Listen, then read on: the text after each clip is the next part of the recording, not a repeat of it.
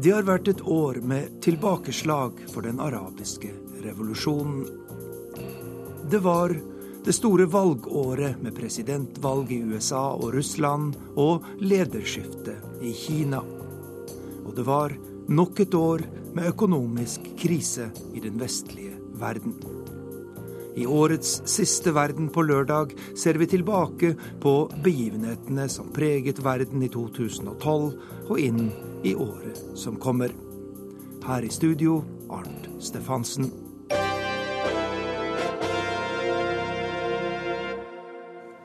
Den arabiske revolusjonen har stått i sentrum i internasjonal politikk i snart to år nå. Men året 2012 har vært et tilbakeslag. De som kastet Mubarak-regimet i Egypt er i dag dypt splittet. Libya etter Gaddafi er preget av vold og kaos.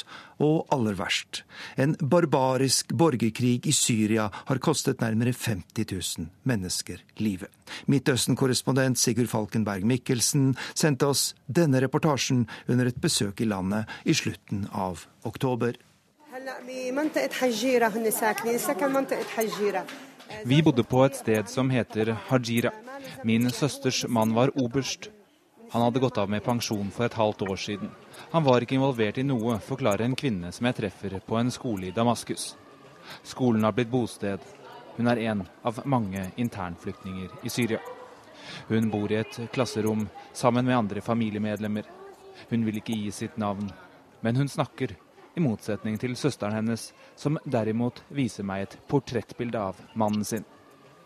Han må ha vært en røslig kar, helt til han blødde i hjel på et av byens sykehus.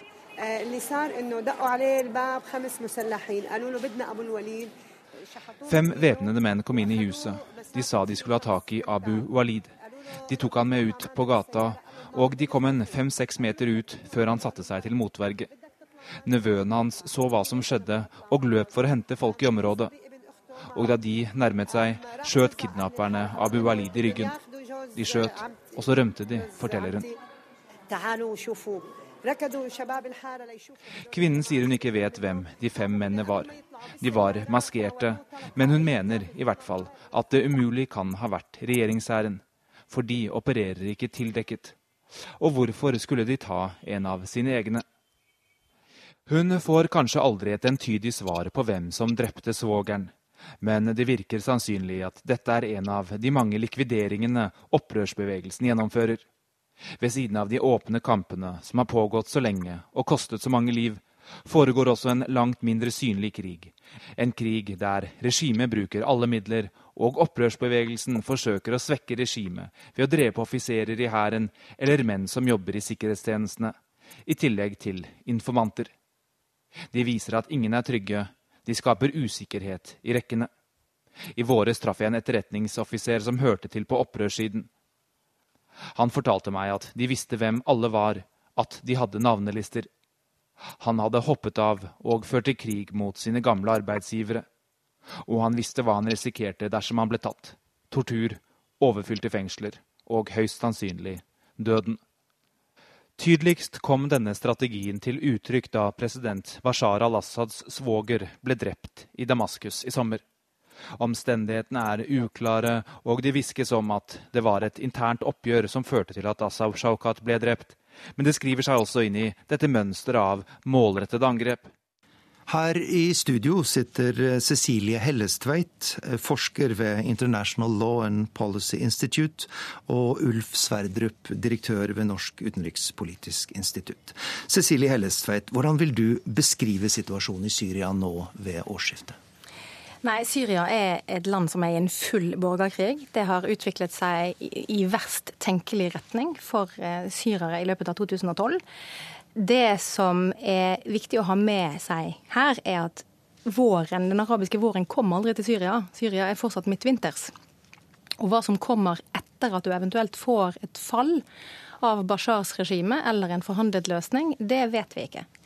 Men det vi vet, er at i de andre arabiske landene som har gjennomgått eh, den såkalte arabiske våren, så er situasjonen ikke så ille fatt som man kan få inntrykk av når man hører de ukentlige nyhetsoppdateringene. I Tunis så er man i en relativt inkluderende demokratisk prosess, så man får en konstitusjon på nyåret og skal da ha valg.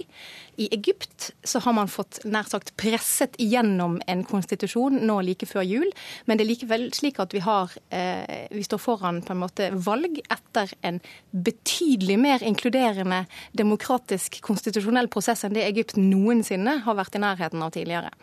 Eh, og For Libya sin del så vet vi ikke helt hvordan det vil slå ut, men det er også en del gode tegn i Libya. Og det gjelder også for så vidt i Jemen. Men det er klart at dette her er regimeendringer som ikke løser de økonomiske og sosiale utfordringene som disse landene har, og de er store. Og de vokser mens regimene på en måte er i ferd med å finne sin nye takt. Eh, men jeg tror at de nye regimene som eventuelt kommer ut av dette i alle disse fire landene, vil være i større stand til å takle de problemene på lengre sikt enn de autoritære regimene som, som, som falt primært da i 2011. Litt tilbake til, til Syria. Ulf Sverdrup, ser du noen utgang på denne konflikten nå? I år så tror jeg det er 40 000 drepte i Syria, og mange hundre tusen er fordrevet. Eh, vanskelig å si hva som vil ha utgangen her. Det ene muligheten er jo at eh, det er en koalisjon av opprørere samler seg. Og det har vi sett nå på slutten av året, at den har blitt mer samla. Og mange, mange internasjonale, i det internasjonale samfunn har anerkjent den som en eh, representant for Syria. Så det er på en måte peke i retning av en eller annen løsning. Eh, den andre muligheten er jo at eh, den som sitter i det regimet, kan flykte fra landet. Så det er en annen løsning. Den tredje er på en måte at den krigen bare fortsetter. Eh, hvor langt det går. Men eh, det er to, to, store problem. Det ene er jo at eh, internt i Syria så er en borgerkrig. Det andre er at det internasjonale samfunn ikke ble enige om hvilken løsning man skal ha. Hva mener du om, om Russlands rolle, eh, Cecilie Hellestvedt? De har jo gitt signal om at de ikke lenger stiller seg så sterkt bak regimet som tidligere. Ja, altså Russland er jo eh, en av de veldig mange aktørene som har interesser i denne konflikten som ikke til syvende og sist har noe med syrerne og syrernes skjebne å gjøre. Eh, de har beveget seg litt i løpet av året, men det har også andre gjort. Og nå like før jul og i disse dager så foregår det eh, forhandlinger i Moskva. Det ser ut til at både amerikanerne og russerne ser ut til å være villige til å finne et kompromiss som Lahtar Brahimi da har eh, budbrakt frem og tilbake. Men det er jo ikke bare amerikanerne og russerne som sitter eh, og er med i dette spillet. Eh, situasjonen i Syria har en rekke regionale aktører som ikke nødvendigvis eh, løper etter verken Russland eller USAs pipe. Så selv om Russland på en måte sitter litt sånn med et moralsk ansvar, og i hvert fall har fått det i, i, i media i stor grad, så er det ikke bare Russland som på en måte kan holdes ansvarlig for at dette har gått i den retningen eh, som det har gjort.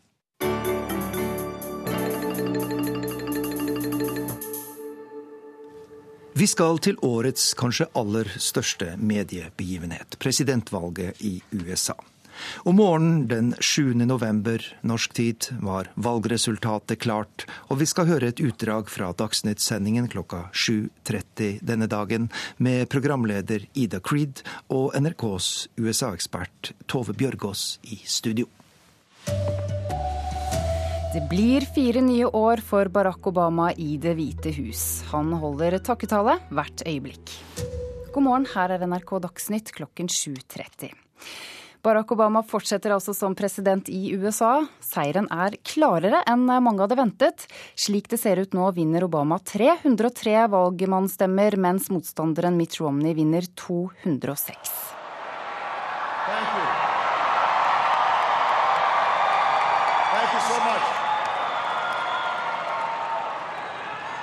Tonight, more than 200 years after a former colony won the right to determine its own destiny, the task of perfecting our union moves forward.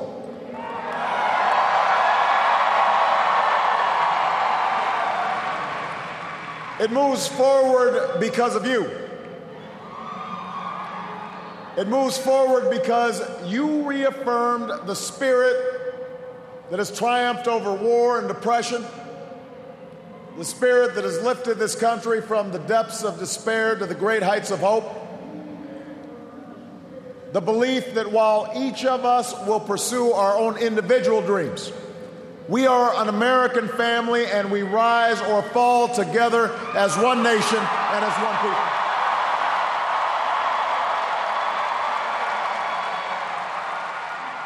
Tove Bjørgaas, hvordan blir det for Barack Obama å være president i USA de neste fire årene?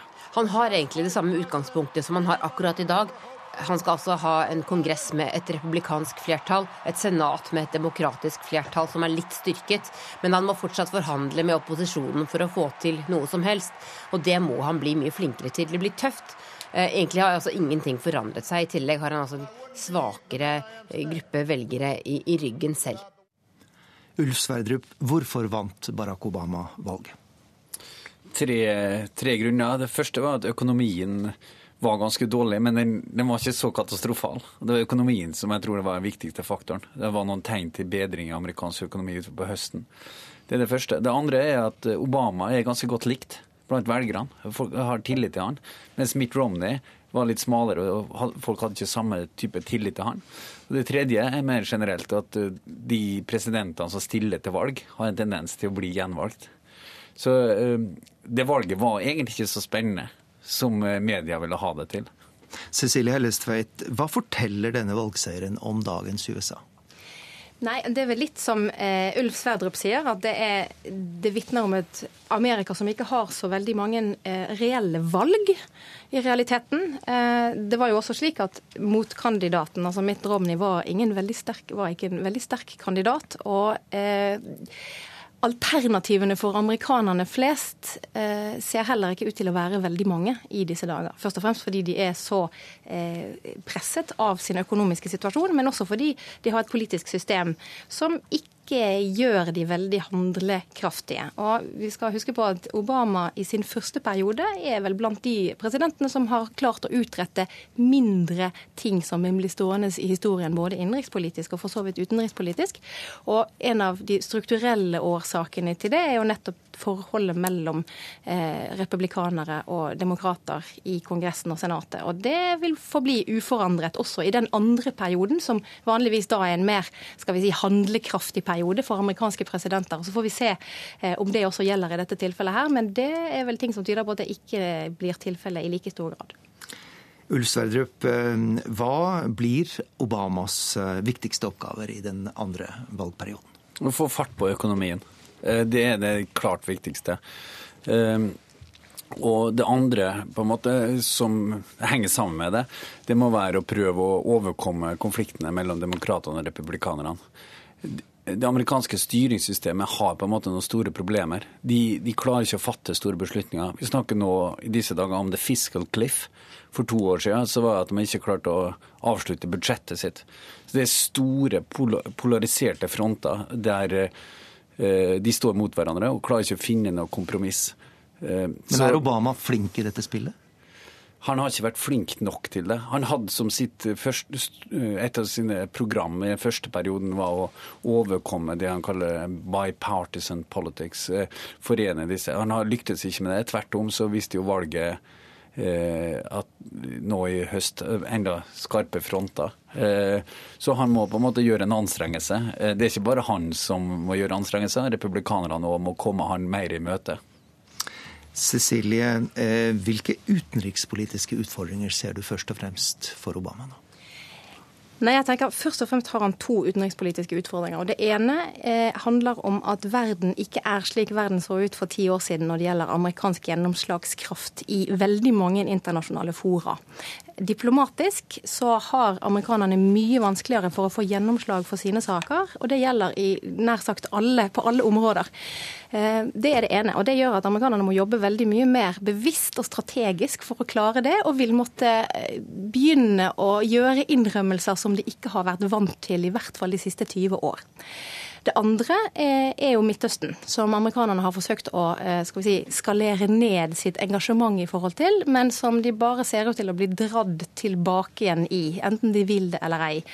Der har Obama mange utfordringer. I i sin første presidentperiode gikk han relativt høyt ut i forhold til Midtøsten-konflikten, altså konflikten mellom israelere og palestinere.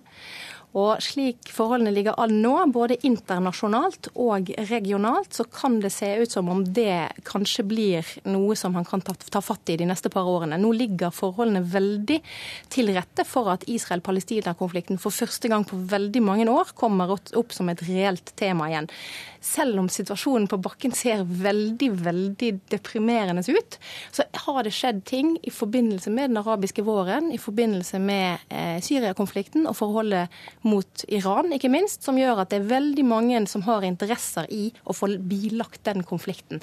Og Det ser man også at, eh, at aktørene eh, forholder seg til, israelerne og palestinerne. Og ikke minst John Kerry som ny utenriksminister er også en del, en brikke der. Så det kan bli en, eventuelt en utenrikspolitisk seier som Obama kan hanke inn. Men veien dit er selvfølgelig veldig, veldig lang.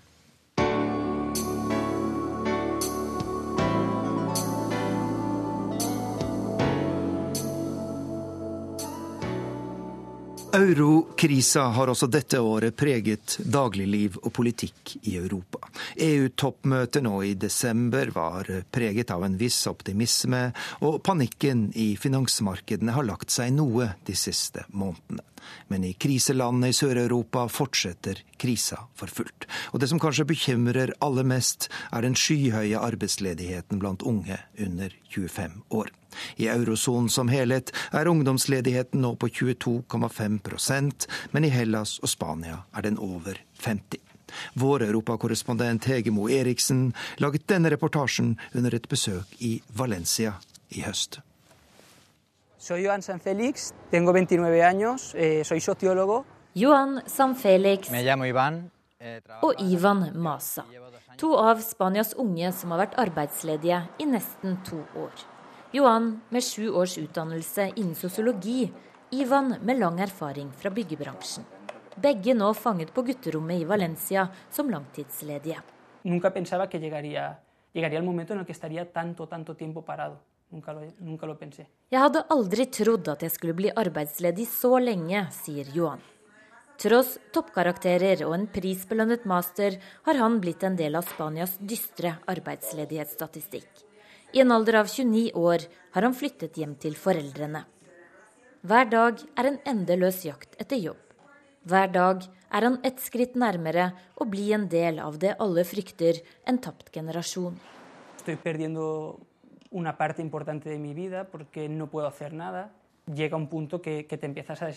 Jeg er i ferd med å miste en viktig del av livet mitt. Man kommer til et punkt hvor man blir dypt fortvilet fordi man ikke aner hva man skal gjøre, sier Johan. De tilhører den best kvalifiserte generasjonen i Spanias historie, men de brukes ikke til noe. Massearbeidsledigheten blant unge har skutt i været i Sør-Europa, ifølge nye tall fra EUs statistikkbyrå. Siden finanskrisen startet i 2008, har ledigheten blant unge under 25 år vokst til 22,5% i eurosonen i år. I Spania er ledigheten på 53 i Hellas 54% Italia 34 mens ledigheten blant Norges unge er på 8% hos Organisasjonen for økonomisk samarbeid og utvikling, OECD, i Paris, roper man nå et varsko om konsekvensene.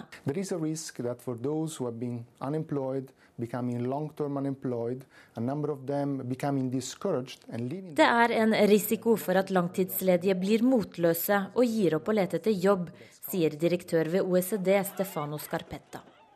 Denne krisa kan gi de unge varige arr, ifølge Scarpetta. Undersøkelser viser at unge langtidsledige kan slite på arbeidsmarkedet selv 10-15 år etter en krise. I gjennomsnitt tjener de også mindre gjennom hele livet, og arbeidsledigheten kan gi helseproblemer og føre til mer kriminalitet. Imens vokser frustrasjonen blant folk på gata. Et sinne over tøffe innstramminger og et arbeidsmarked som ligger brakk. Hvor dyrt det vil koste samfunnet, tør ingen riktig spå. Cecilie Hellestveit, det snakkes mye om Europas tapte eh, generasjon. Hvor alvorlig er ungdomsledigheten i eurosonen?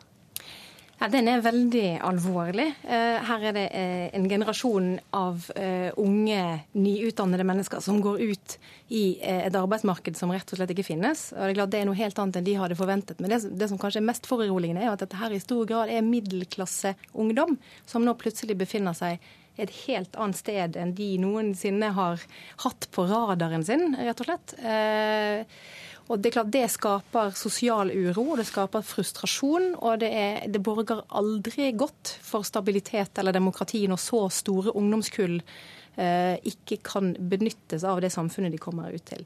Så dette her er på en måte et, et, et faresignal for Europa, helt klart. Men samtidig så ser vi jo nå en viss optimisme blant EU-lederne når det gjelder eurokrisa. Er det grunnlag for dette, Ulf Sverdrup? Altså Ved inngangen til det året som vi ser slutten av nå, så trodde jo mange at euroen kom til å ryke. Eh, det har jo ikke skjedd.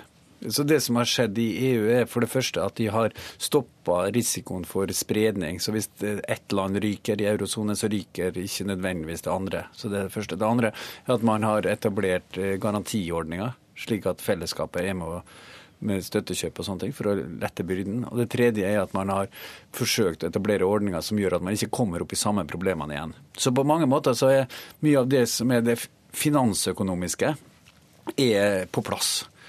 Eh, det som ikke er på plass, er jo på en måte at disse tiltakene fører til voldsomme kutt i uh, ulike medlemsstaters økonomi og budsjett. Og, uh, reduserte investeringer, som gjør at økonomiene ikke vokser, og at vi får arbeidsløshet. Og det må jo løses hvis Europa skal komme seg på beina igjen. Så må man få fart i hjulene, må eh, få arbeidsløsheten ned og få innovasjon og vekst i økonomien. Og det har man ikke kommet. Men kan vi være sikre på at EU er på riktig kurs? Altså, det er jo enkelte eksperter som mener at denne sparekursen ikke vil føre frem. At eh, så å si medisin er så sterk at pasienten dør før, eh, før han blir helbredet? Eh, jeg tror da man er på riktig kurs. Det er, det er snakk om dosering her. Og du kan si at i dag så har man vært veldig på den austerity, eller innstramningslinja.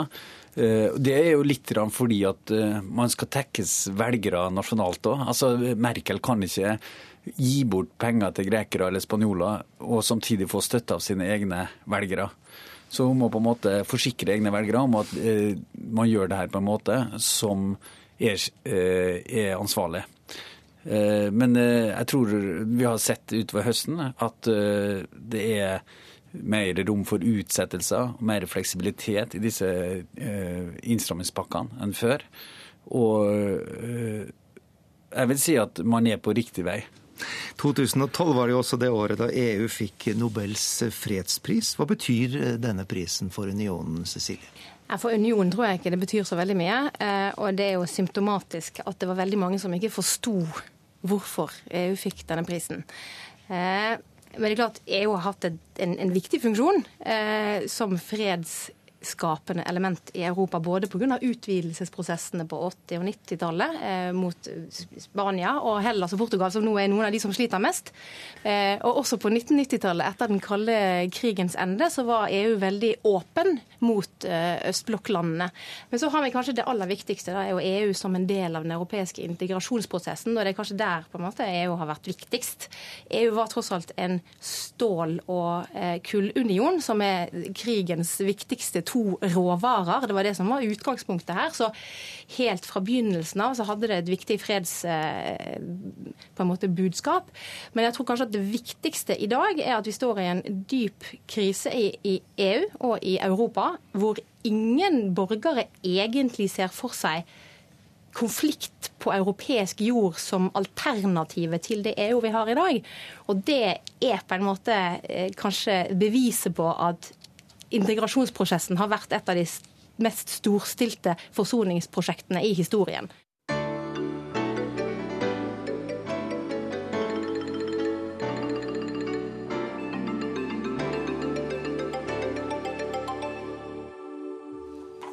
Det har vært et år med store og dramatiske begivenheter i Kina.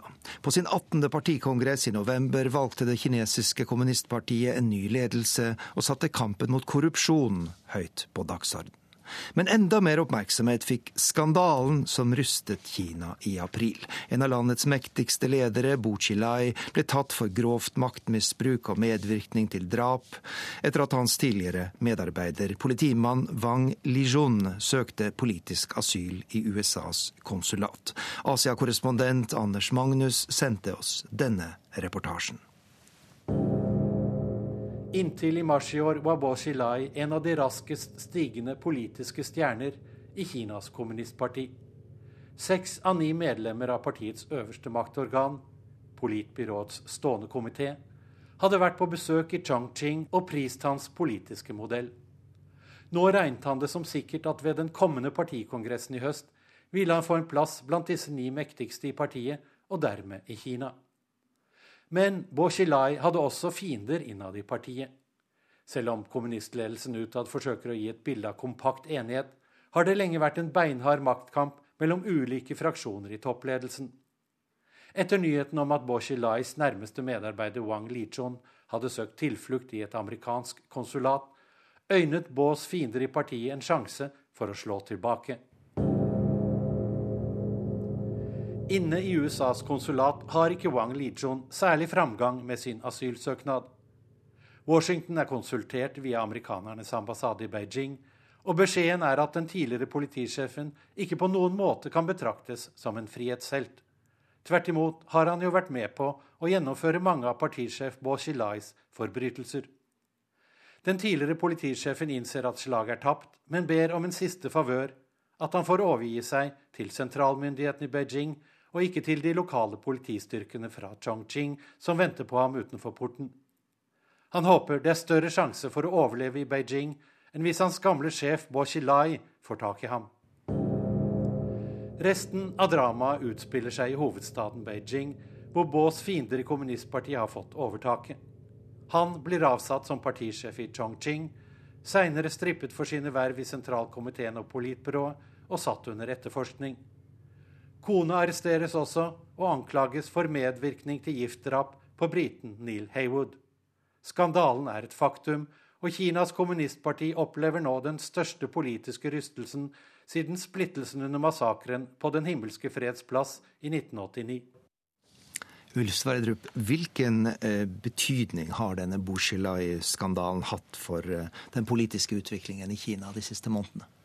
Nå har det jo ikke hatt noe veldig avgjørende betydning. Fordi vi hadde jo det overgangen med Xi Jinping som, eh, som tok over nå i, i, høst, og som vil bli president i Kina i mars neste år. Slik at eh, det var et vorspiel til den overgangen som var veldig dramatisk, og som økte oppmerksomhet mot korrupsjon, mot uh, hvordan, hvilken rolle media og sivile samfunn kan spille i å avsløre og avdekke eh, den type ting. Og hele tatt eh, har satt lys på mange deler i det interne styringssystemet av Kina som eh, vi ikke har kjent før. Hva kan vi vente oss av Kinas nye leder, Xi Jinping?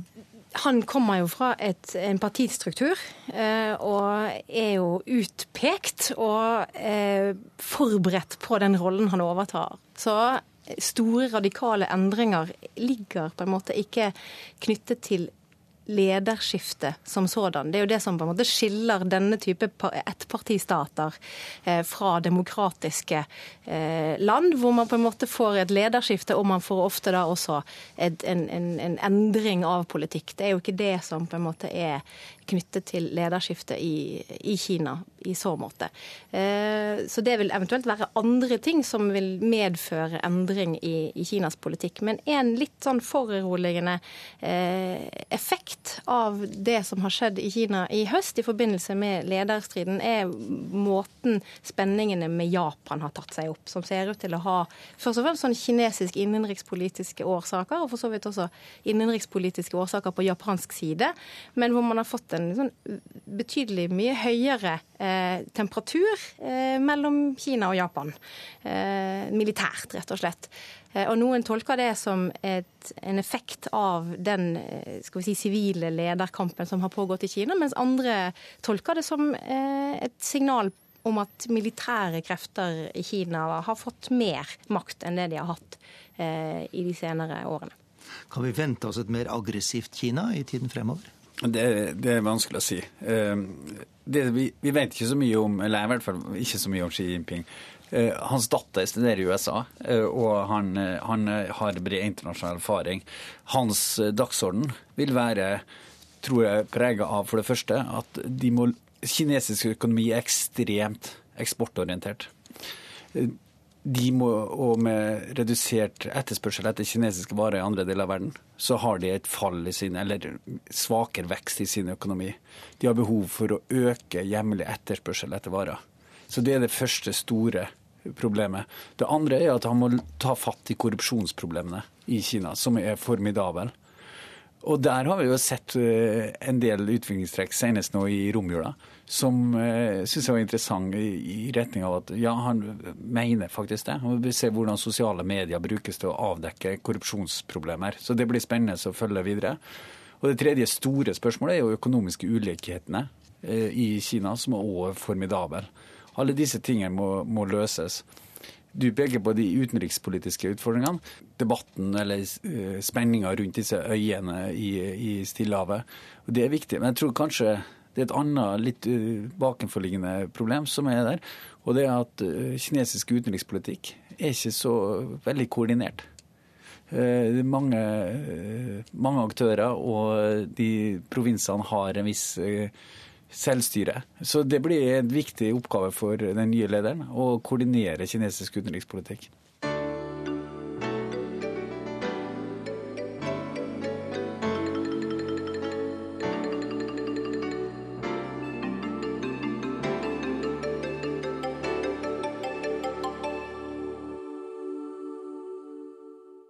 Vi skal til vårt store naboland Russland, der det også har vært valg og et slags maktskifte i år. Den politiske stolleken ble det kalt da Vladimir Putin igjen inntok presidentstolen etter valget i mars, og etter at den tidligere presidenten Dmitrij Medvedev var blitt valgt til statsminister tre måneder tidligere. Og selvsagt har de omstridte valgene ført til en voldsom kritikk av den politiske kulturen i Russland. Korrespondent Hans-Wilhelm Steinfeld sendte oss denne reportasjen dagen før presidentvalget i begynnelsen av mars вернулся, потому что хорошие любят, рейтинг выше, и он уже был. Det holder ikke å komme tilbake til makten bare fordi oppslutningen er god og fordi Putin har vært president og det gikk bra. Jeg tror de skjønner dette i Kreml, og denne retur til makten må bringe noe nytt, sier Isvestia-sjefen Vladimir Mamentov til NRK. Her i Russland tales det om makthavernes bolsjeviksyndrom. De kan godt nedkjempe en motstander med hard hånd, men står forvirret tilbake med allmakten sin og lurer på hva de skal bruke den til. Vladimir Putins voldsomme fokus på militære maktmidler i fortid i Tsjetsjenia tydet på at satsingen skulle trekke folks oppmerksomhet bort fra uløste sosiale problemer i Russland, og 4,6 tusen milliarder kroner til Forsvaret de neste åtte år tyder på at Putin kan ha et snev av dette idésyndromet, denne idémangelen. Men ennå har ikke Russland gått til grunne, og den russisk-ortodokse kirke ber for Putins valgseier. Klokken er slagen for agitasjonen på denne lørdagen, som påbyr borgfred. Det er budskapet fra Frelserstårnet i Kreml foran presidentvalget i Russland i morgen. Men selv Vladimir Putin må snakke åpent om de kolossale uløste indre samfunnsproblemene som rår i Russland etter hans åtte år som president og fire år som statsminister. Vi vet vi vet jo at vi har svært mange uløste problemer. Det er fremfor alt korrupsjon og ineffektiv statlig styring, råvarebasert økonomi, sosial ulikhet og et lavt utdannelsesnivå og dårlig helsevesen, sier Vladimir Putin her. Svaret på disse utfordringene er naturligvis ikke å pøse 4,6 000 milliarder kroner inn i det russiske forsvaret de neste årene. Men både Vladimir Putin og hans forgjenger, som ga ham makten for tolv år siden, Boris Jeltsin, tenkte militært når de ikke ellers visste hva de skulle gjøre. Da Jeltsin møtte hard politisk motstand, skjøt han parlamentet i filler med tanks 4.10.1993. Så skrev Putins sjef, borgermester og jusprofessor Anatolij Sabtsjak ny grunnlov til desember samme år. Om denne grunnloven, som Putin stadig krever respekt for, sier en av de store glasnost-ideologene, historieprofessor Jurij Afanasjev. Конституция 93 года конституционное оформление авторитаризма Grunnloven fra 1993 var en konstitusjonell oppskrift på autoritær makt og et fremtidig diktatur. Det lå alt i Grunnloven den gang, sier professor Juri Afanasjev. Autoritær makt og et fremtidig diktatur, ble det sagt i denne reportasjen. Cecilie Hellestvedt, er Russland et demokrati? Ja, ikke i vesteuropeisk forstand, det kan vi jo slå fast. Um, det, men det er vel også for så vidt noe som en del russere uh, ønsker å gjøre noe med. Uh, det man så i forbindelse med valget i Russland, var jo at det var mange som hentet frem klassiske slagord fra sovjettiden. Uh, I et forsøk på å vise at det er jo til syvende og sist ikke så mye som har forandret seg i forhold til vår evne å eh, endre våre makthavere på den måten som, som er seg demokrativerdig. Men så hadde man da tilløp til eh, ganske store demonstrasjoner, hvor man på en måte tenkte kanskje er det noe som kommer til å skje i, i Russland også. En slags tahrir-bevegelse eh, i fjor vinter. Men russiske myndigheter valgte jo da å eh, ikke slå ned på dette så hardt. De valgte en mer myk linje, og fikk mange til å tenke at eh, dette viser at russiske myndigheter er på defensiven, eh, hvilket jo ikke var tilfellet i det hele tatt. Det russiske myndigheter gjorde, var at de strammet inn på de områdene hvor det var viktig. Altså bl.a. å få presset gjennom en NGO-lov som pålegger sivilt samfunn i Russland, som kan være potensiell opposisjonelle organisasjoner, mye, mye strengere eh, registreringsregime og, og, og underkaster de veldig mye mer kontroll osv. Og, så og, og går strukturelt til verks. Og lar på en måte demonstrasjonene dø litt ut av seg selv. Men kan vi i det hele tatt vurdere Russland med vestlige politiske briller, eller er dette en politisk kultur som alltid vil være annerledes? det Putin har gjort. Eh, han har jo drevet frem et mer sentralisert Russland. Og det har fortsatt på en måte etter at han kom tilbake igjen. Eh, det er et eh, regime som er ganske tøff mot eh, det sivile samfunn. Gjør det vanskelig for det sivile samfunn. Det er vanskeligere å drive med protester og sivile samfunnsorganisasjoner, slik som vi har hørt her. Det som er litt av Russlands problem, er jo at Russland har en økonomi som er råvareavhengig. Eh, og de trenger en form for diversifisering av sin økonomi. For å få til det, så trenger de òg kanskje mer en politisk liberalisering. Og der er man ikke i dag. Eh, jeg har ofte lurt på Cecilie Hellestveit, eh, den så å si vestlige fremstillingen av hva som er viktig i Russland. Vi eh, gir opposisjonelle i Moskva og storbyene stor oppmerksomhet. Unge bloggere som kritiserer myndighetene, får stor oppmerksomhet. Men er dette representanter for det store flertallet i Russland? Ja, De er jo representanter for en del av befolkningen, men Russland har vel alltid befunnet seg i et sånt spenningsrom mellom eh, Europa og Asia. Eh, også i forhold til politisk orientering og, og modeller og måter å, å gjøre politikk på.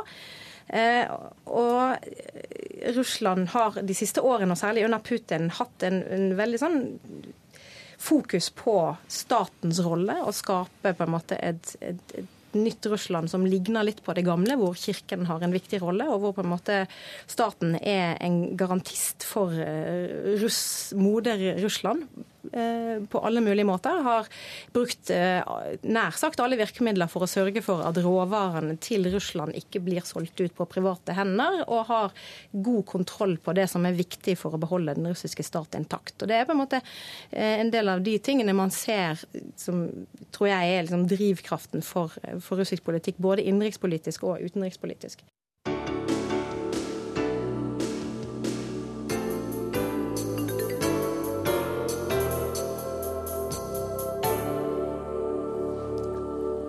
Bob Geldofs Etiopia finnes ikke lenger, rapporterte vår tidligere Afrikakorrespondent Tom Christiansen etter en reise i Afrika i høst. Etiopia er i ferd med å løfte seg ut av fattigdom og nød, med naboer som Somalia, Eritrea og Sudan er det ganske utrolig, het det i reportasjen som ble sendt her i Verden på lørdag i begynnelsen av oktober. Bob Geldofs Etiopia fins ikke mer. De sultne horder fra 1984 som i stillhet sto i grått støv og ventet på mat, er historie. Barna med oppblåste mager har fått mat og vaksine og skolegang. BBC-reporteren Michael Burke beskrev den gang hungerskatastrofen som noe av bibelske dimensjoner og la til det nærmeste du kan komme helvete på jord. Forrige måned skuet jeg innover dødsmarkene fra 1984. Grønt, frodig landskap med geiter, ungdom med mobiltelefon og småjenter på skolevei. De har bøker i ranselen og lekser i hodet. Mødrene bærer vann fra den nye brønnen. Det er derfor jentene kan sendes på skole i stedet for å bære vann langt av gårde. Mannfolkene jobber på den nye motorveien. Fra FN og Verdensbanken kan jeg laste ned ufattelige tall og konklusjoner. Sulten i Etiopia er over. Fattigdommen er halvert på 18 år. Før levde to tredeler av etioperne for mindre enn to dollar om dagen. Nå er det bare en tredel som er fattige. For 16 år siden fikk bare to av ti skolegang. I dag går 70% av etiopiske barn på skole. Seks av åtte millennium-mål fra FN for å bekjempe fattigdommen i verden er oppfylt. Etiopia bygger Afrikas største kraftverk. De demmer opp hele Nilen. Landet får 30 nye universiteter. De bygger nye veier og jernbaner. Landet uten adgang til havn bygger en transportkorridor til nabolandet Djibouti. De skal importere varer og selge kaffe. Og bare vent. En av verdens største kraftverk reises nå nord i landet. Det skal produsere 6000 megawatt og gi billig grønn kraft til hele regionen. Det skal bli lys i lampene fra Rødehavet til Uganda. De demmer opp Blånilen til Egypts fortvilelse og protester. Avdøde statsminister Mele Zenawi hørte ikke på dem, ikke europeiske miljøvernere heller, som har advart mot økologiske forandringer. Fnysende latterliggjorde han dem som rike turister på jakt etter sjeldne sommerfugler. Er ikke folkets utvikling viktigere? Hvorfor har vi ikke hørt om dette? Hvorfor er en av Afrikas mest dramatiske og markante forandringer ukjent? Ulf Sverdrup, skjer det noe avgjørende i Afrika som internasjonale medier ikke helt har fått med seg? Ja, nesten alle, Det er 54 stater i Afrika. Nesten alle vokser. Mange av dem vokser veldig mye. Eh, så det er mange positive ting i Afrika. I tillegg så er helsesituasjonen eh, i bedring. Altså hiv og malaria ned. Og likedan så er fredelig Det er færre konflikter. Nå er jo mange mennesker som lider i Afrika. Det er stort sett i de landene der det er krig. Eh, I Kongo, i eh, Somalia og, og i viss grad i Mali i disse dager. Men, men, eh, det går veldig godt. Hvorfor har man ikke hørt om det? Det vet jeg ikke, det må nesten media svare på. Det er ganske godt dokumentert i forskning og andre steder, den utviklinga som foregår. Rivende utvikling. Cecilie, hvorfor går det bedre i Afrika? Det er det nok mange eh, strukturelle årsaker til. Eh, men det er klart eh, Man har fått demokratisering i en del land, man har fått stabilisering. Og Afrika har også på en måte kommet med på på eh, den økonomiske veksten osv. Men en del forklaringer som ofte trekkes frem, er jo inntog av kinesisk teknologi. Eh, indiske og kinesiske, etter hvert også kinesiske bedrifter som kommer inn og som, gjør, som muliggjør afrikaneres eh, utnyttelse av egne naturressurser på en annen måte enn det som har vært mulig tidligere, hvor europeiske makter ofte har vært inne, eller europeiske og amerikanske selskaper. Og bistand. Men det er fortsatt store problemer. Eh, ny nasjonalisme, grensetvister, den arabiske revolusjonen som har gitt enkelte negative ringvirkninger. Hva, hva vil du si om det, Ulf Sverdrup? Ja, hvis man skal si én ting som er litt negativt i Afrika, eh, så er jo det langs demokratidimensjonen. Eh, det har vært en lang kamp for å fremme godt styresett i Afrika. Og det har delvis lyktes i den forstand og det har bidratt til vekt, bidratt bidra til økt økonomisk vekst etc. Men samtidig så har vi sett at den moderniseringa og utviklinga som har skjedd i Afrika, har òg skapt visse spenninger.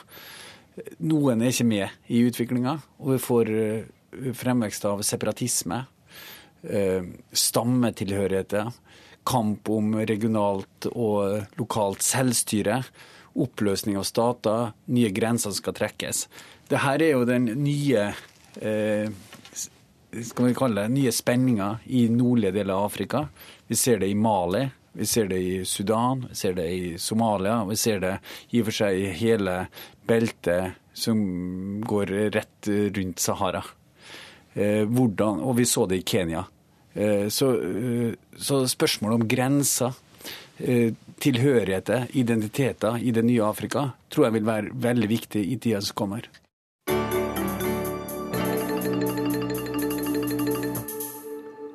Vi er kommet frem til årets siste korrespondentbrev. Det er skrevet av vår USA-korrespondent Anders Tvegård. De som trodde det var bedre å gi enn å få, har ikke vært på et amerikansk kjøpesenter i det siste.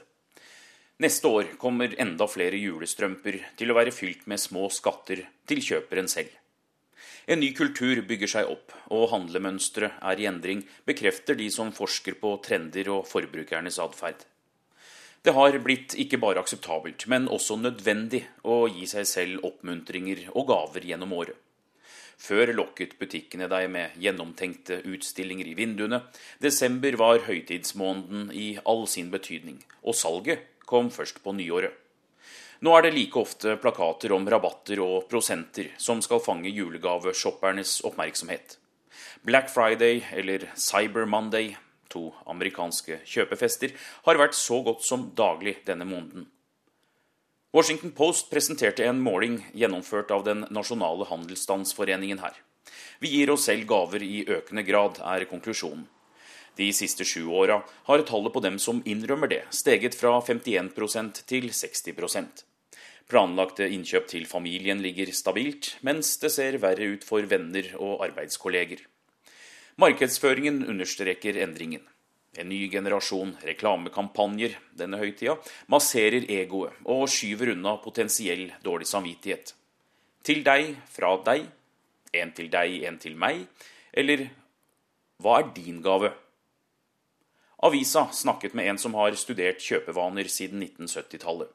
Han sier at nyere generasjoner oftere hører hvor utsøkte de er. Dagens 20-30-åringer er mer eksponert for tanken om at de fortjener noe. Han mener også singellivet spiller inn. Det er flere amerikanere som er alene enn i et parforhold, over 60% av befolkningen. I tillegg er det flere unge kvinner i arbeidslivet som ikke er i et forhold eller har barn. Det gir dem økonomisk frihet og butikkene en ny inntektskilde. Det er mindre sannsynlig at de får den gaven de ønsker seg, med mindre de kjøper den selv. På norsk kan det kanskje hete selvskjenking, selvgaving eller selvgivelse. Det var iallfall noen av forslagene som kom da jeg spurte på Twitter. Krigen mot jula ser også ut til å være over. Ikke bare fordi det er ett år til neste gang, men det er liksom lov å ønske god jul igjen. Da jeg kom hit første gang, hørte jeg oftere 'Happy Holidays' enn 'Merry Christmas'. Forklaringen, som går tilbake til 1950-tallet, har vært at man ikke ville tråkke ikke-kristne på tærne. Flere enn hver tiende amerikaner feirer tross alt ikke Christmas i desember, men Hanukka eller afroamerikanske kwanza. Resten av året er fylt med andre høytider for religioner, og man ville ikke favorisere én gruppe troende. Derfor ønsket selv president George W. Bush amerikanerne oftere en gledelig høytid en god jul i høytidskorrespondansen, til stor irritasjon for de kristenkonservative. President Obama har lurt inn et god jul i sine hilsener, og nå virker det som om butikkene også har tatt jula i nåde. Handelsstanden har innsett at det er flere som ikke lar seg fornærme av et god jul, enn dem som føler den historiske betydningen av Jesu fødsel undergraves med en alternativ hilsen. Jula har seiret. Her i Georgetown, Washingtons eldre bydel, har det ikke vært snø eller minusgrader denne sesongen, men ingen tvil om hvilken tid det er på året. Du kan lett peke ut huset til min alltid røykende nabo Barbara. Hun synes juledekorasjoner er teit, men går gjerne ettermiddagsturer med sneipen og ser hvordan fiffen fikser fasaden. Store kranser på dørene, lyssatte figurer og hus. Det meste elegant gjort. Vi hadde Rudolf på taket i fjor, lyssatt med små fargerike pærer. Som jeg skrev den gang, var Barbara veldig imot et reinsdyr i Georgetown. I år er Rudolf parkert i kjelleren siden vi tar ferie i fjernere strøk. Men dekorasjonen er etterspurt. Barbara ville gjerne sett den på taket i år også. Kanskje mest for å irritere en mindre følsom nabo som hun sjelden snakker med. Han ba oss nemlig fjerne Rudolf etter første dag jul i fjor, fordi han ikke visste hva han skulle svare barnebarnet når hun ville spørre hvorfor nissens slede fortsatt sto på taket vårt. Finn på noe, sa Barbara lavt med sammenbitte tenner. De er jo fra Norge. Si at nissen hviler hos kjente før han må opp til Nordpolen igjen. Hun ville nok ønske å se naboens frustrerte uttrykk i år også. Etter flere uker med tidvis stressende og forhåpentligvis sosial oppkjøring, ligger du nå kanskje på sofaen og hviler ut. En fattig trøst er at noen aldri blir ferdig med jul. For 2000 innbyggere i Indiana i Midtvesten er det ingen vei utenom. Jeg skal gjøre et unntak, sier nissen, og signerer noen julekort med den svarte pennen min. Love Santa. Han ville helst ha brukt rødt blekk, men ikke alle får hva de ønsker seg. Dette er USAs juleby, Santa Claus, hvor noen snøfnugg tidligst og senest kommer i januar. En populær destinasjon, selv i 40 varmegrader på sommeren. Julenissen er i Santa Claus fra mai til januar. I over 150 år har tettstedet hatt navnet til julenissen, og det forplikter. Alle gater er oppkalt etter noe som har med høytiden å gjøre. De tre vise menn, julebakst eller Rudolf. Treet på torget spiller julemusikk på helslaget. På Kringleplassen ligger puben Jingle Bell Rock og den helårs julebutikken med 5000 juleornamenter. Alvene svarer på all post til nissen, og selv holder han seg stort sett innendørs, der barn kan sitte på fanget hans og hviske juleønsker. Så spør Santa Claus dem hvorfor vi feirer jul, og så klirrer det i det gammeldagse kassaapparatet, mens foreldrene, lettere bedøvet av røkelse, må bla opp noen George Washington-sedler for et eksklusivt bilde. Troen på julenissen står sterkt i USA, også i disse religiøst konservative områdene. Årets salgshit i Santa Claus bærer preg av det. Pyntegjenstanden som selger best, er en julenisse som sitter på knærne og titter ned i krybba der Jesubarnet ligger. Jeg klarte å dy meg fra å dra salgstallene ytterligere opp, men er blitt en av de én million turistene som har tatt turen innom Santa Claus, Indiana, i år. Mistenker nok at noen amerikanere kommer hit til nybyggersamfunnet også for å se hvor Abraham Lincoln hadde sine barneår. Skulle jeg lagt opp en reiserute etter merkelige navn, er det et hav å ta av her i USA. Jeg har notert meg noen ut fra ren nysgjerrighet. Ville nok vært innom Nothing i Arizona, bare for å ha gjort det. Romance i Arkansas og en kopp i Hot Coffee, Mississippi. Noen venner skrøt veldig av Intercourse i Pennsylvania. Truth or Consequences i New Mexico er selvskreven og Ding Dong i Texas kunne vært et morsomt bilde. Julepost sender man opplagt fra Santa Claus, og på valentinerdagen som kommer snart, vil sikkert postkontoret i Lovejoy, Georgia ha mye å gjøre. Et sted som ikke har postkontor, sikkert pga. plassen et stempel ville ta, er Lake Chagagagag Machangagag Chabanamangagag, for øvrig det lengste navnet i USA.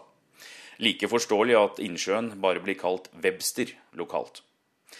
Litt mer usikker er jeg på et besøk til Boring i Oregon eller Accident i Maryland. Det er nå det er et lite vindu for å kjøre på litt lavere gir.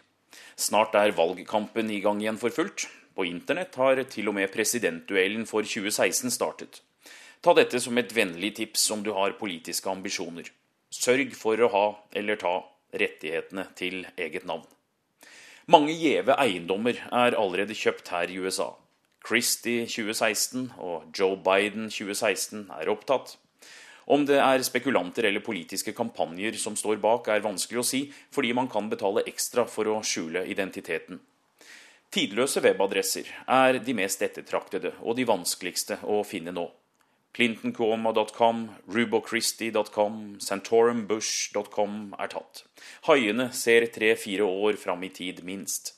Det koster bare fra 8 dollar i året, under 50-lappen, å ha en webadresse registrert.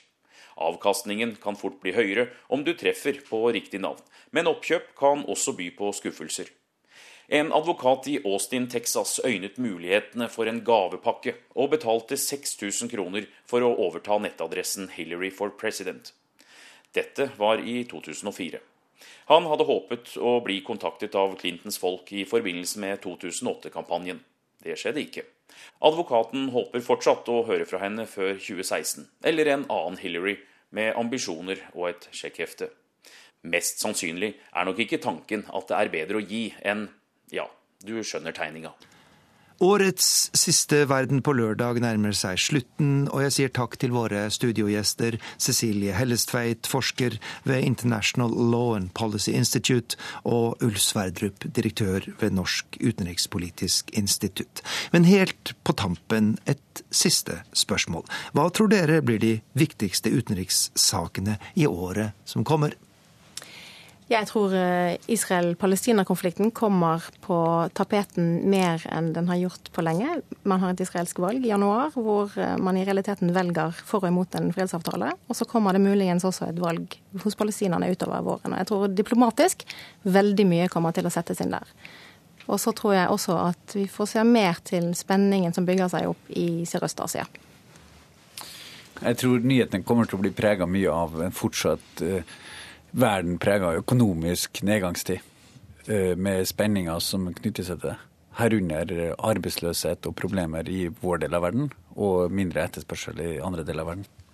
Denne Verden på lørdagssendingen er slutt. Teknisk ansvarlig var Hans Ole Hummelvold, og her i studio Arnt Stefansen.